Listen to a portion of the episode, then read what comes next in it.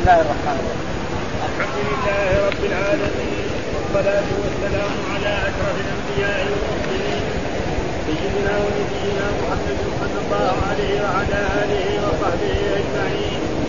قال الإمام البخاري رحمه الله باب من حلف أن لا يدخل على أهله شهرا وكان الشهر تسعا وعشرين.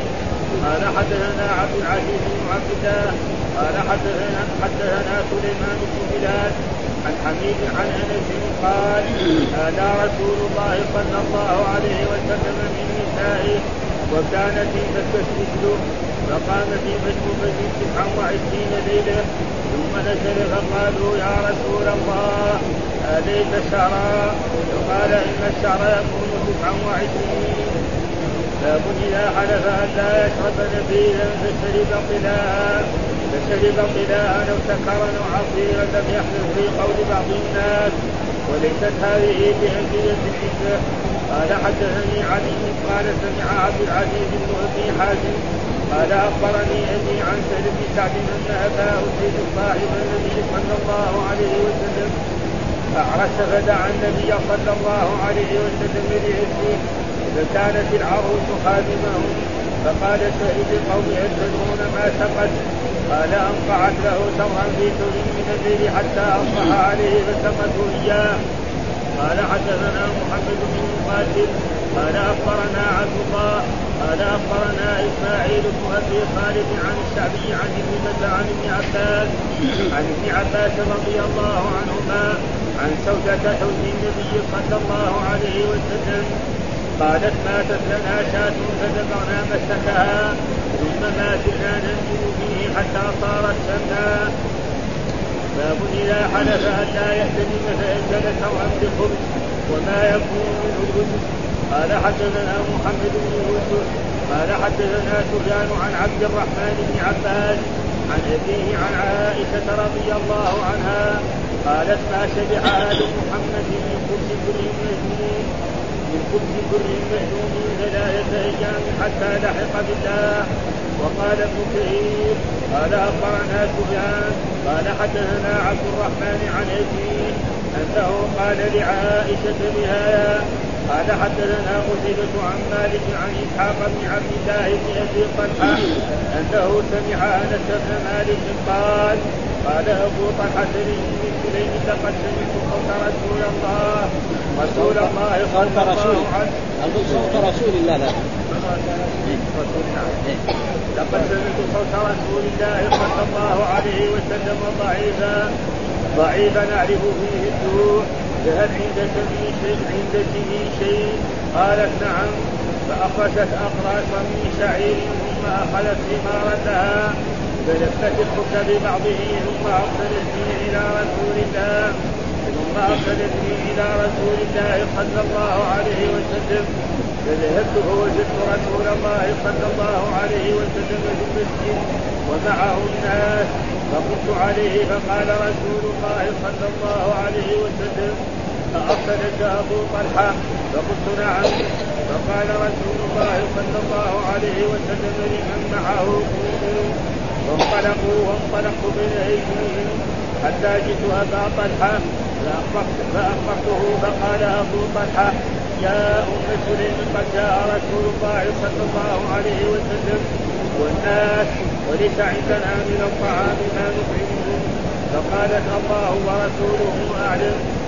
فانطلق أبو طلحة حتى لقي رسول الله صلى الله عليه وسلم فأقبل رسول الله صلى الله عليه وسلم وأبو طلحة معه حتى دخلا فقال رسول الله صلى الله عليه وسلم فلني يا أم سليم ما عندك فأتت ذلك الخبز قال فأمر رسول الله صلى الله عليه وسلم بذلك الخبز وبت وعصرت أم عدة لها فأدمت ثم قال فيه رسول الله صلى الله عليه وسلم ما شاء الله أن يقول ثم قال إذا بعشرة فأذن لهم فأكلوا حتى شبعوا ثم خرجوا ثم قال إذا بعشرة فأذن لهم فأكل القوم كلهم. وشبعوا والقوم سبعون أو ثمانون رجلا. أعوذ بالله من الشيطان الرجيم، بسم الله الرحمن الرحيم، الحمد لله رب العالمين والصلاة والسلام على سيدنا ونبينا محمد وعلى آله وصحبه وسلم أجمعين. باب من حلف أن لا يدخل على أهله شهرا وكان الشهر 29 معنى هذه الترجمة باب من حلف أن لا يدخل على أهله شهرا وكان الشهر 29 فلما كان 29 دخل. هذا جواب الشرط. وجواب الشرط محذوف. ها أو ثم دخل. من حلف أن لا يدخل على أهله شهرا وكان الشهر 29 ولما انتهى 29 دخل على أهله. وحلف وآلى بمعنى واحد. والسبب هذا الحديث تقدم لنا في كتاب النكاح. الآن أتى به مختصر الإمام البخاري هنا وهو أن الرسول صلوات الله وسلامه عليه كما قال لنا عمر عمر الخطاب رضي الله تعالى عنه في هذا الحديث هناك أتاه بطوله وهو أن عمر كان يوم ينزل إلى المدينة. نعم ويجلس مع رسول الله صلى الله عليه وسلم ويسمع ما نزل من الوحي من قرآن أو غير ذلك وفي اليوم الثاني ينزل زميله، في اليوم الثاني هو يشتغل في البستان هناك في القبة أو في أي مكان فهذاك ينزل. وهكذا يتناوب، مرة ينزل هذا ومرة ينزل هذا، وفي يوم من الأيام كان عمر هناك في البستان يقوم فجاء زميله هذا وطرق الباب طرقا شديدا. ثم فقال يعني هل موجود؟ قالوا نعم. ونزل فقال إيش حصل؟ ها؟ يعني جاء الغساس لأنه كان في أخبار في المدينة على أنه أمير الملك غسان سيغزو المدينة. أم جاء الغساني قال له لا المسألة أشد من ذلك. إن الرسول طلق زوجاته. ها طلق زوجاته هذا كان إيه؟ ثقيل على عمر. فعمر صبر حتى جاء الفجر وصلى ونزل نعم إلى المدينة وجاء المسجد هذا ووجد الناس يبكون. ثم بعد ذلك فسأل. قال ما في. الرسول هنا في إيه؟ في محل صغير مشربة غرفة صغيرة جالس فيها فذهب واستأذن ولم يؤذن له. ثم رجع كذلك مرتين المرة الثالثة أذن له. فلما أذن له دخل على الرسول. ها فقال هل طلقت نساء؟ قال له لا. وأول قبل هذا يفعل هذا دخل على إيه؟ على بنته حفصة. وخاصمها ووبخها قال لا تغرنك هذه عائشة عشان الرسول يحبها. بعدين يطلقك بعدين تصير ما تحصل ها؟ ها؟ هذه عائشة لها مكانة فإنت لا تساوي زي عائشة ابدا. ها وذهب كذلك على ام سلمه ام سلمه كانت قريبه فكلمها ام سلمه مرأة كبيرة. قالت إيش دخلك أنت؟ تفضوني يعني تقريبا. ما لك بين رسول الله وبين زوجاته إيش لك بكل أنت؟ ما ما لك سكت. في ثم بعد ذلك ذهب. نعم مرة الأولى المرة الثالثة بعد فلما دخل على الرسول وإذا يجد الرسول على يعني مكان يعني الفراش اثر فيها. الحصير أثر في جسد رسول الله صلى الله عليه وسلم وما في هناك في الغرفة إلا تقريبا يعني شيء من شعير معلق في اعلى فقال يعني كسرى وقيصر يتنعم هذا النعيم وانت رسول الله الذي افضل البشر فراش ما عندك وهذا ينام على الحريق. قال هذا عجلت لهم طيبات في هذه الدنيا ثم قال هل صدق؟ قال لا. فسر عمر بذلك ثم بعد ذلك استمر المسألة حتى انتهى شهر. فلما انتهى شهر 29 الرسول نزل ودخل على زوجاته ومعلوم إيش؟ والذين يؤذون من نسائهم تربص أربعة أشهر فيفاءوا الإله معنى الحلف. ها؟ حلف الرسول لا يدخل فلما انتهت ال 29 دخل على فلما دخل الظاهر أن هذا الإله كان من أول الشهر. يعني يوم واحد من هذا الشهر واستمر الرسول إلى 29 أما لو آل مثلا يعني في نصف الشهر لازم يحسب كم؟ 30 هذا هو ها؟ يعني لو آلى من نصف الشهر أو آلى من 20 أو من 25 ما يحسب 29 ويقول لا أنا 29 الشهر 29 ومعلوم انه تقدم لنا أحاديث الصيام أن الشهر يكون 29 ويكون إيه؟ 30 الشهر القمر وجاء في حديث أن الرسول قال إن أمة الأمية لا نكتب ولا نحسب الشهر هكذا وهكذا وهكذا يعني 30 وبعد ذلك أخذ إصبع واحد وقال الشهر القمري كده. الشهر الإفرنجي هذا خربان. في شهر 28 وفي شهر 30 وفي شهر 31 ها الشهر القمري ما في شهر إما 29 إما 30 أنا دحين الشهر الافرنجي ده يناير وباعد يعني في شهر منهم 28 والباقي بين ال 30 وبين إيه؟ وبين 31 هذا فيقول هنا من حلف أن لا يدخل على وكان الشهر 29 فدخل. هل يحنث؟ الجواب لا. المثال 29 والشهر يكون 29 فلا يحنث ليس عليه. أما لو دخل بعد 20 يوما ويصير عليه إيه؟ أن يكفر. هذا معناه ما يريده الإمام يعني في هذه الترجمة. إيش الدليل؟ قال حدثنا عبد العزيز بن عبد الله حدثنا سليمان بن جلال عن حميد أو حميد عن أنس قال آلى آلى معناه حلف والذين يؤلون من نسائهم. ها ولا يأتلي أولو الفضل منكم. هذا معنى آلة يعني حلف. وهناك الباب قال آل رسول الله صلى الله عليه وسلم من نسائه. وكانت انفكت رجله. يعني الرسول بشر يحصل عليه ما يحصل من فكت رجله فقام في مشربة. المشرب معنى غرفة صغيرة لها درج. ها يعني. زي ما يسمى مسروق أو غير ذلك 29 ثم نزل فنزل ودخل عليهم أول ما دخل عليه عائشة قالت قالت أنت شهرا ودخلت عليه يعني هذه كمان من الأشياء يعني زي ما يقول فيها يعني إثارة يعني. يعني الشهر 19 الشهر 30 آه فقال يا رسول الله اليت شهرا فيقال إن الشهر يكون تسعة. وكيف دخلت علينا؟ ففهم من ذلك أن الشهر يكون تسعة وإذا آل شهرا وكان من أول الشهر إلى 29 وكان الشهر هذا 29 كفى. وأما إذا لم يكن كذلك فلا بد من 30 آه إذا كان 30 يلزمه؟ اي إذا كان اي 30 يلزم نعم إذا كان الشهر آه ثم دخل فإنه لا يحنث. يعني بعد 29 وكان من أول الشهر بشرطان أما لو من وسط الشهر أو من ربع الشهر فلا لازم يحسب 30 وهذا يتصور إذا وقع إذا وقع الحلف أول جزء من الشهر اتفاقا. فإن وقع في أثناء الشهر ونقص هل يتعين أن ينفق 30 أو يكتفي ب 29 فالأول قول الجمهور. لازم يحسب إيه؟ شهرا. ذا وقال الطائفة من عبد الحق من المالكيه بالثاني وقد تقدم بيان ذلك في آخر شرح حديث عمر الطويل في آخر النكاح. ها وهناك ذكر هنا أتى بإيه؟ وهذه عادة البخاري.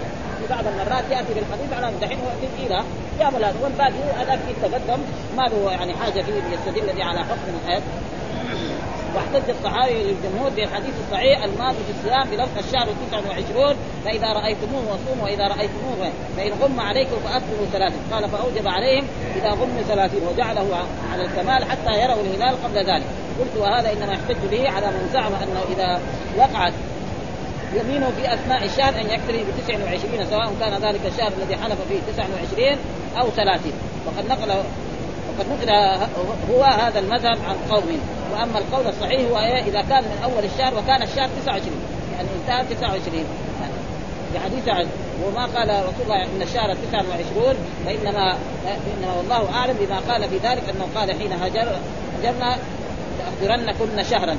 قال حين اهدرنكن شهرا ثم جاء ل 29 فسألته فقال إن الشهر هذا كان 29 ثم قال باب إذا حلف أن لا يشرب نبيذا فشرب طلاء أو سكرا أو عصيرا لم يحدث في قول بعض الناس وليست هذه بأنبذة عندهم.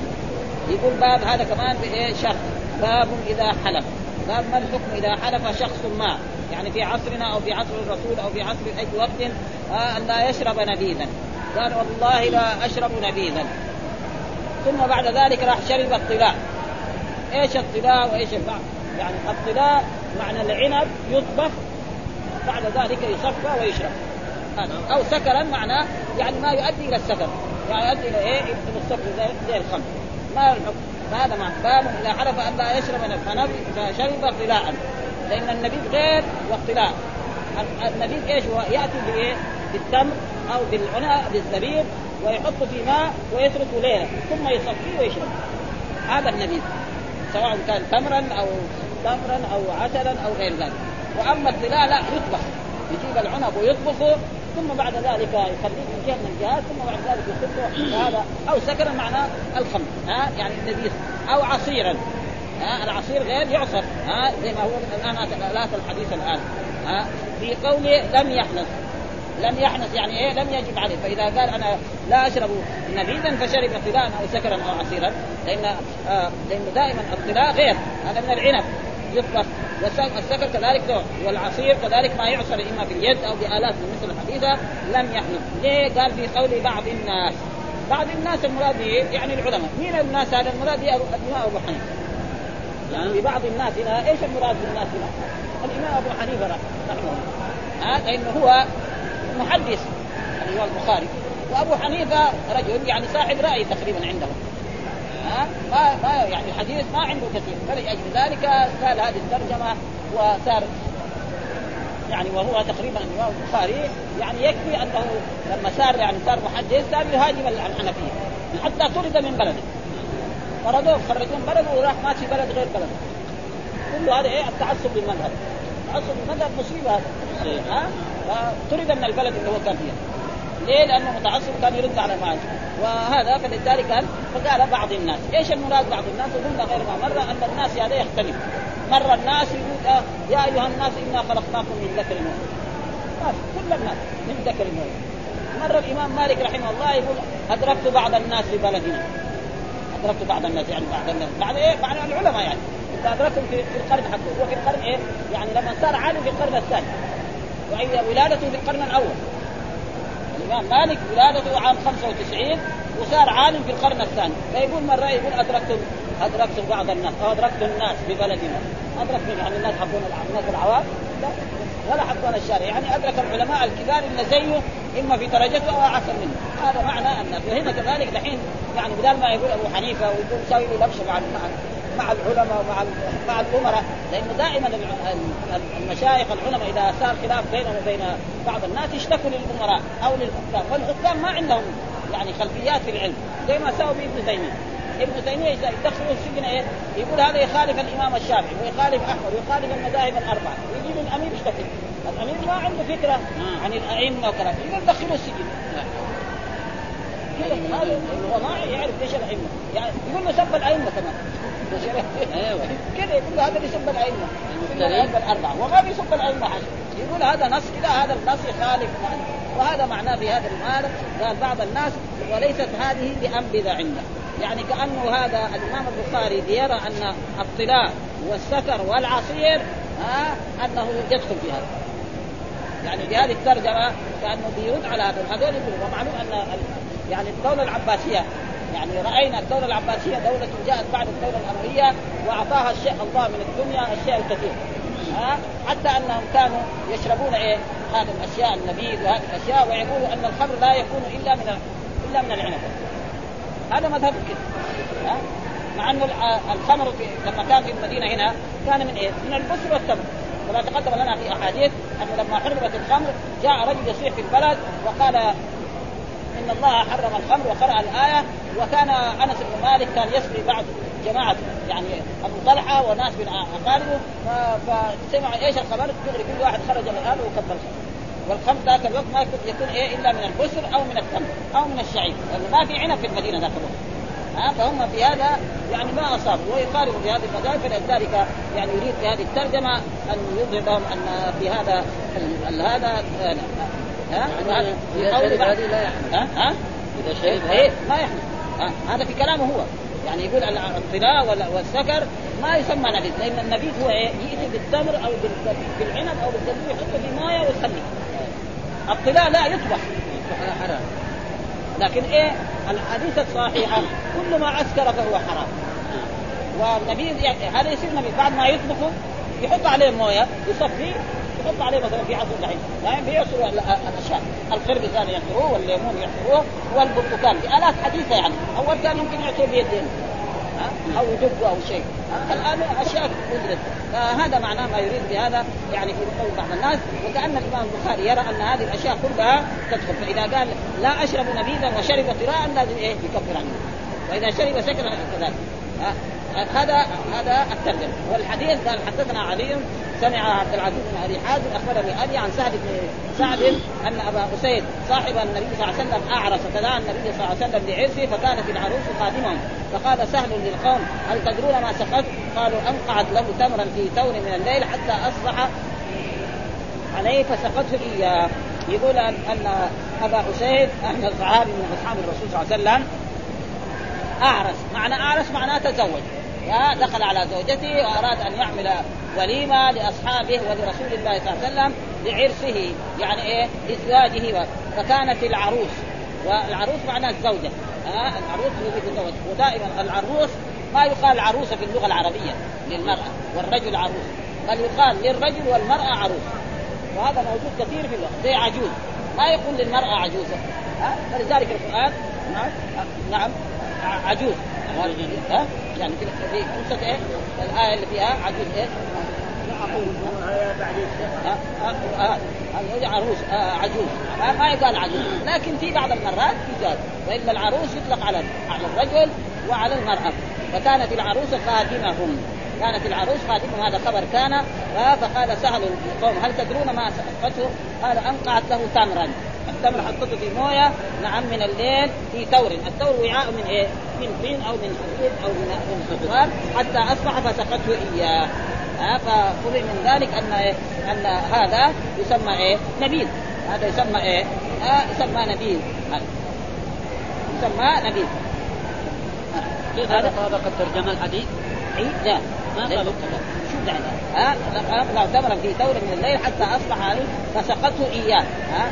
لأنه قلنا ال- النبيذ هذا هذا دحين ينطبق إيه؟ على النبيذ هذا. آه. ينطبق على النبيذ تماما. ها؟ يعني على الطويل ت- تماما. فهذا قال لا يشرب نبيذا. فشرب طلالا وسكت بعدين يأتي هذا. فسقط. ففهم من ذلك هذا إيش يقول هنا؟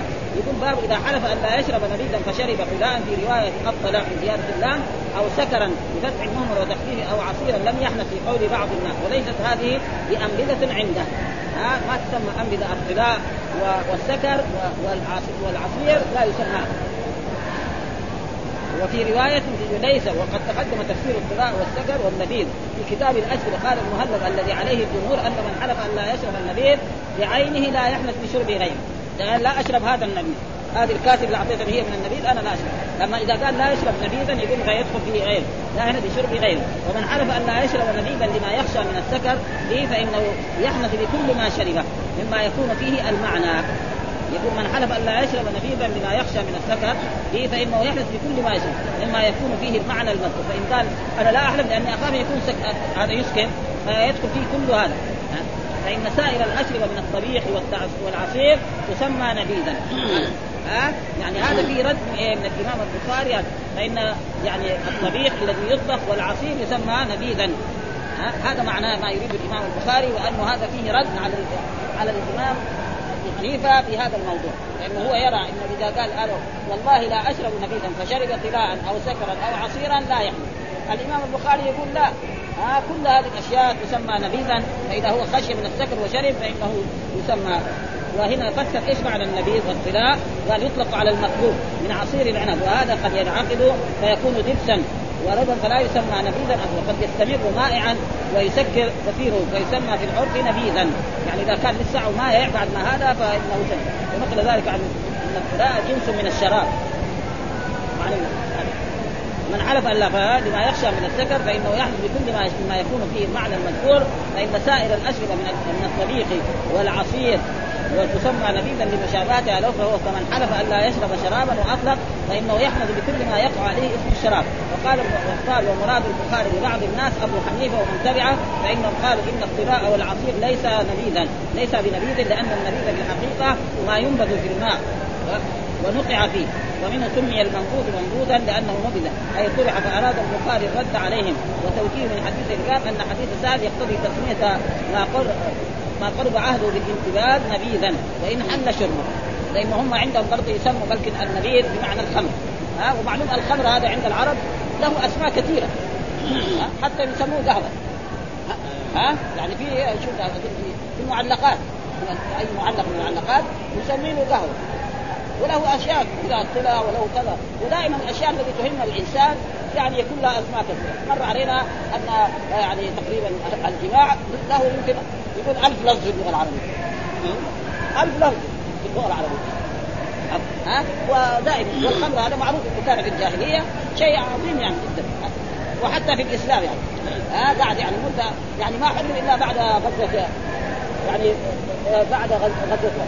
اما قبل غزوة أحد أي واحد في مكة أو في المدينة يعني ما في شيء هذا لأنه ما حرم وهنا وحديث الباب إن حديث زاد يقتضي تسمية ما قرب عاد بالانتقال فإن حل شربه وقد تقدم في الأشربة. من حديث عائشة انه كان ينبذ له ليلا فيشربه غدوة وينبذ له غدوة فيشربه عشية وحديث قال.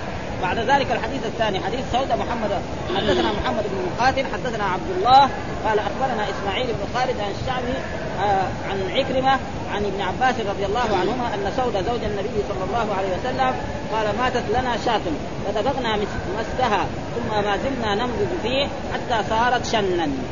في هذا الحديث برضه يقول عن عن عكرمة الذي هو تلميذ عبد الله بن عباس ومولاه عن ابن عباس أن سو عن عن سودة. وسودة هي زوج النبي صلى الله عليه وسلم وهي من أمهات المؤمنين وتزوجها الرسول بعد موت عائشة قبل أن يهاجر الرسول إلى هذه المدينة لأن عائشة آه خديجة توفيت في مكة قبل هجرة الرسول صلى الله عليه وسلم بسنه أو سنتين أو ثلاثة أو يعني هذا فتزوج سودة. ها قالت ماتت لنا شاة يعني ماتت حتى أنفها. ها يعني جاءوا في الصباح وجدوها ميت. أما لو ذكيت كان ما في شيء ها فدبغنا مسكها. أو مسكها, معناه جلدها. فدبغنا مسكها ثم ما زلنا ننبذ فيه حتى صارت شنة يعني صرنا ننبذ فيه. النبيذ معناه نأتي بالتمر أو بالشعير أو بالبصر ونجعله في هذا ونحط عليه ماء. ثم يجلس ليلة أو ليلتين ثم نصفيه فإيش؟ ثم حتى وقعدنا ننبذ فيه حتى صارت شنة إيش الشن؟ يعني الشن القربة القديمة. والقربة القديمة تبرد الماء أكثر من الجديد. مثلا في الزمن القديم ما عندهم شراب ولا عندهم ثلاجات زي عصرنا هذا الذي أنعم الله علينا بنعم. ما وفرت في ناس آخرين يعني. هذا واجب على المسلمين وعلى الناس كلهم يشكروا الله على هذه النعم. ها؟ أه؟ يعني هذا معروف. هذا فالشن يعني القربة القديمة وكثير ما قدمت أن الرسول الصلاة عبد الله بن عباس نام عنده. فقام إلى شن معلقة فتوضأ الرسول. قام عبد الله بن عباس فمحل الشاهد قال إيه؟ ما زلنا ننبذ فيه حتى صارت شنا. يعني صارت قربة قديمة. ما حد أنكر علينا ولا شيء. وهذا دليل على أن النبيذ ويريد البخاري أن يدخل النبيذ والتلاء والعصير. إذا حلف لازم ما يستعمل كلهم هذا والإمام أبو حنيفة يقول لا إذا قال لا يشرب نبيذا والله لا أشرب نبيذا فشرب طلاء نعم أو سكرا أو كذلك عصيرا لا يخلو ها وهو البخاري يقول لا. ها وهذه أشياء علمية والبخاري إمام ومحدث يعني ما عنده تعصب يعني. ها لأنه أول يكون مذهبه مثلا حنفي لأنه بلاده. ها ثم بعد ذلك لما صار محدث خلاص لازم إيه؟ ها وقيل ما اسكن من غيره. في وليم في كتاب عن شيخ ابن المدينة يقول فدبغنا مسكها بفتح الميم المهملة أي جلدها حتى صارت شنا.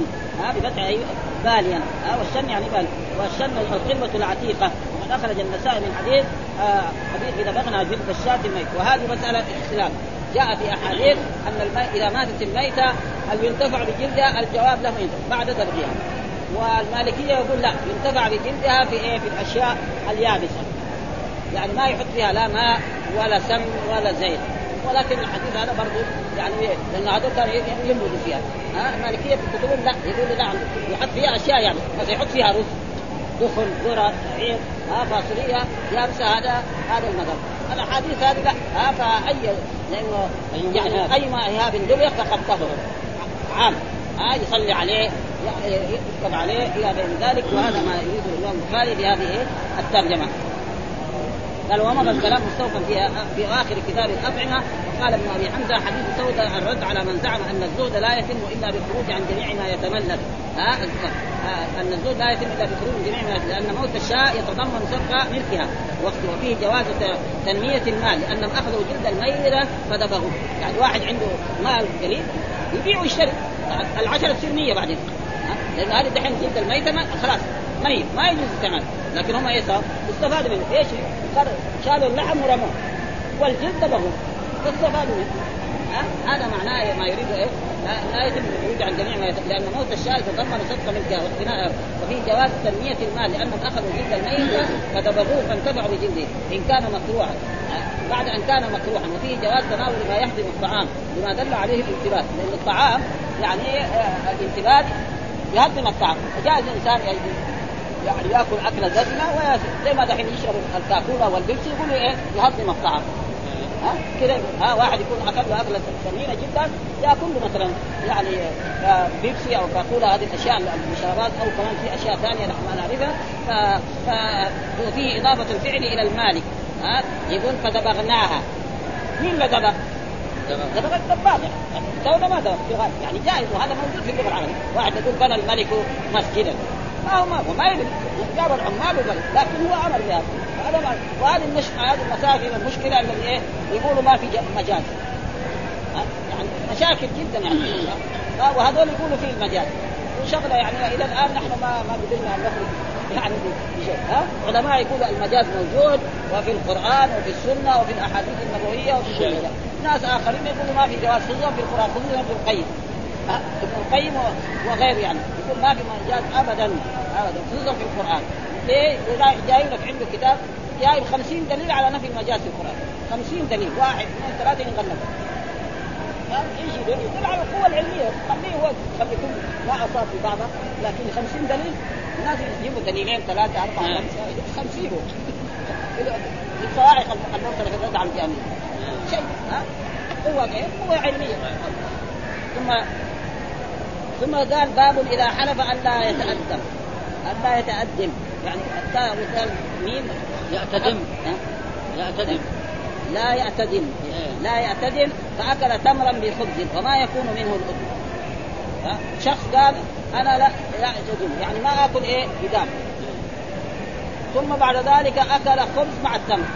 هل التمر يسمى يعني إدام ولا ما يسمى؟ هذه مسائل علمية. مليانة. هل التمر يسمى إدام مع الخبز ولا ما يسمى؟ هذا يبغى يبين لنا يعني هذه الترجمة إيش يسمى؟ إيش الإدام؟ الناس يعرفوا الإدام مثلا يعني يعني يحط الخبزة تصير مبلولة ثم ياكلها في الملوخية في البامية في هذا مثلا في الزيت ها؟ ولكن الناس القدام يقولوا إيه؟ نعم الإدام والخل. معنى هذا؟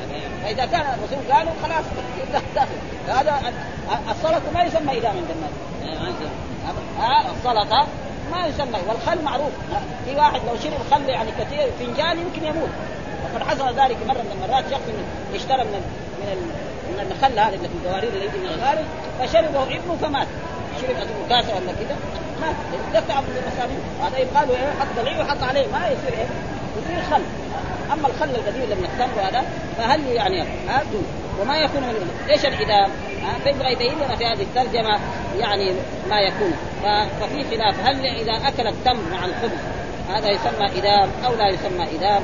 وإيش الإدام؟ ما هو ها؟ وهو هل الذي يغمس فيه أو غير ذلك يبين لنا في هذا طيب إيش الدليل؟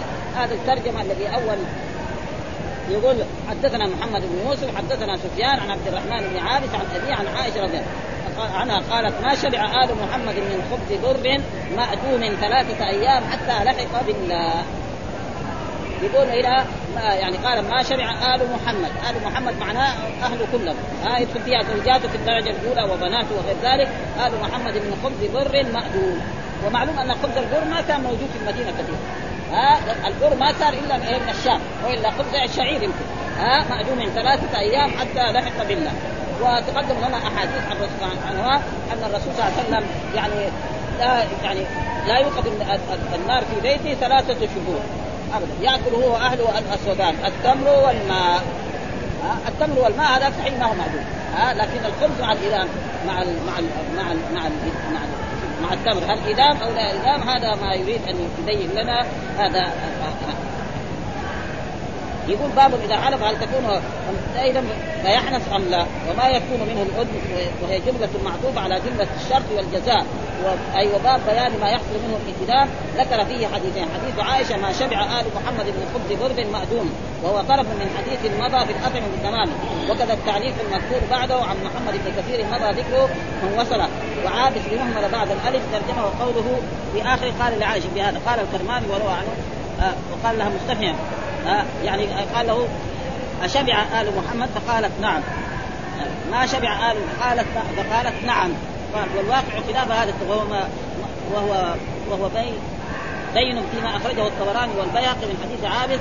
قال لعائشه أنهى النبي صلى الله عليه وسلم عن أكل لحوم الأضاحي. يعني كان سبب الحديث الرسول سأل هي هذا عابد سأل عائشة أنهى الرسول عن أكل لحوم الأضاحي؟ فذكر الحديث. ها؟ يعني الرسول ما اكل معلوم أنه في الأول نهى الرسول عن اكل لحوم الأضاحي. لأن كان جو ناس من العرب وكان في في جوع وفي هذا فنهى رسول الله أن يدخر أكل لحوم الأضاحي أو هذا الهدي يعني ثلاثة أيام زيادة عن ثلاثة أيام ثم بعد ذلك يعني ذلك كما جاء في حجة الوداع أن الرسول لما حج حجة الوداع وذبح مئة من الإبل وأكل منها وأكل أصحابه ثم يقول جابر أخذت من ذلك اللحم وكنت أطعم الرسول من مكة إلى المدينة. ها فمعناه إنه جائز. أما في تلك السنة كان ما يجوز. أي واحد يعني يدخر فيكون عاصي لله وعاصي لأنه الناس في حاجة ولا يجوز هو ذلك هذا ما يريد في هذه الترجمة التي ثم ذكر في الحديث الثاني الذي هو يعني يبين انه إنه أن الشيء البسيط اللي ما ما يبل الخبز ما يسمى اداما لأنه جاءت أم سليم وجاء الرسول وجاءت إيه؟ خبز شعير. ففتته في إيه في وعاء في اذن ثم كان عندها عكه والعكه هذه فيها شوية دم يعني العكه لما تغلق سمنها إيش يبقى شيء قليل. يعني لما نعصرها يخرج لك يعني نقطتين من السمن. والنقطتين أو الثلاثة أو هذا أو الوقيه من السمن. ما يمكن إيه؟ تقدم الخبز الذي من الشعير. هذا هذا ما يريد ها؟ يعني ما يمكن لأنه قال عكه ما فيها شيء. فقاموا عصروها كذا عصروها عصروها خليه لا شوية هذا لو نحركه ما يصير لكن لو حط يعني يعني شحم ولا شيء كان يمكن يصير إيه؟ وهذا ما ما يريده وقال ابن كثير وهذا تعليل. قال ابن كثير رواه الإمام البخاري في روايات أخرى يعني بالسند. هنا دحين حدثنا عبد الرحمن عن ابي أنه قال لعائشة بهذا. ثم قال حدثنا قتيبة عن مالك عن إسحاق بن عبد الله بن أبي طلحة إسحاق عبد الله بن أبي طلحة أنه سمع أنس بن مالك قال قال أبو طلحة لأم سليم وهي زوجته وهي أم إيه؟ أنس. لأنه أبو طلحة تزوج أم سليم بعد إيه؟ بعد زوجها الأول الذي هو أبو أنس الذي قد توفي ذلك لقد سمعت صوت رسول الله صلى الله عليه وسلم ضعيفا اعرف الجوع فيه. فهل عندك من شيء؟ قالت نعم. فأخرجت اخراصا من شعير ثم أخذت ثمارا لها فلفت الخبز ببعضه ثم أرسلتني إلى رسول الله فذهبت فوجدت رسول في المسجد ومعه الناس فقمت عليه. فقال رسول الله أرسلك أبو طلحة؟ فقلت نعم. فقال رسول من معه قوموا فانطلقوا وانطلقت بين أيديهم حتى جئت أبا طلحة فأخبرت فقال أبو طلحة يا أم سليم قد جاء رسول الله صلى الله عليه وسلم وليس عندنا من طعام ما نطعمهم قالت والله الله ورسوله أعلم. فانطلق أبو طلحة حتى لقي رسول الله صلى الله عليه وسلم فأقبل رسول الله وأبو طلحة معه حتى دخل فقال المي يا أم سليم. الحديث هنا والظاهر أن هذا كان في غزوة إيه؟ في في غزوة يعني الخندق. ها في غزوة الخندق وكان في هذا في غزوة الخندق. فسمع أنس بن مالك قال قال أبو طلحة. وأبو طلحة من من أصحاب رسول الله من المهاجرين من الأنصار لأم سليم وهي زوجته وهي أم أنس. سمعت صوت الرسول ضعيفا لأن الإنسان لما يكون جوعان يعني يكون إيه حالته النفسية ضعيفة وكلامه ضعيف بخلاف لما يكون شبعان ويكون مرتاح. يعني هذا شيء. أعرف فيه الجوع يعني هذا أكبر. فهل عندك من شيء؟ قالت نعم. فأخرجت اقراصا من شعير. يعني كم قرص من شعير و ثم أخذت خمارا، الخمار معناه ما يغطى به، يعني إيه؟ الشال هذا. فلفت هذا الخبز ثم ارسلت، يعني كان يعني كانت تريد أن الرسول هناك يقطع اوصال ويأكل، كل واحد يعطيه قطع من هذا الخبز. ها؟ ف... وأرسلتني إلى رسول الله فذهبت فوجدت رسول الله في المسجد، يعني مكان الصلاة، ليس المراد مسجد هذا المسجد، لأنه كان في الخندق يكون المسجد الذي حول الخندق الذي هناك الذي يسمى المساجد الخمسة. والحين صار المساجد السبعة الحين يسموه. لأنه هو أول كان خمسة زمان. يقول الحين صار سبعة. زادوا مسجدين فيه ها؟ أرسلك أبو طلحة. وهذا قد يكون من الوحي. لأنه الرسول ما كان عنده خبر عن هذا. فيكون هذا مما اعلم الرسول الغيب. أرسلك؟ قال نعم. فقال رسول معه قوموا. يعني كلكم نروح إلى إلى دار ابي فانطلقوا وانطلقت بين أيديهم. يعني أمامهم. حتى جئت أبو طلحة فأخبرته. الذي هو عمه من زوج ابوه فقال أبو يا أم سليم قد جاء رسول الله والناس وليس عندنا من طعام نطعمه قالت والله ورسوله أعلم.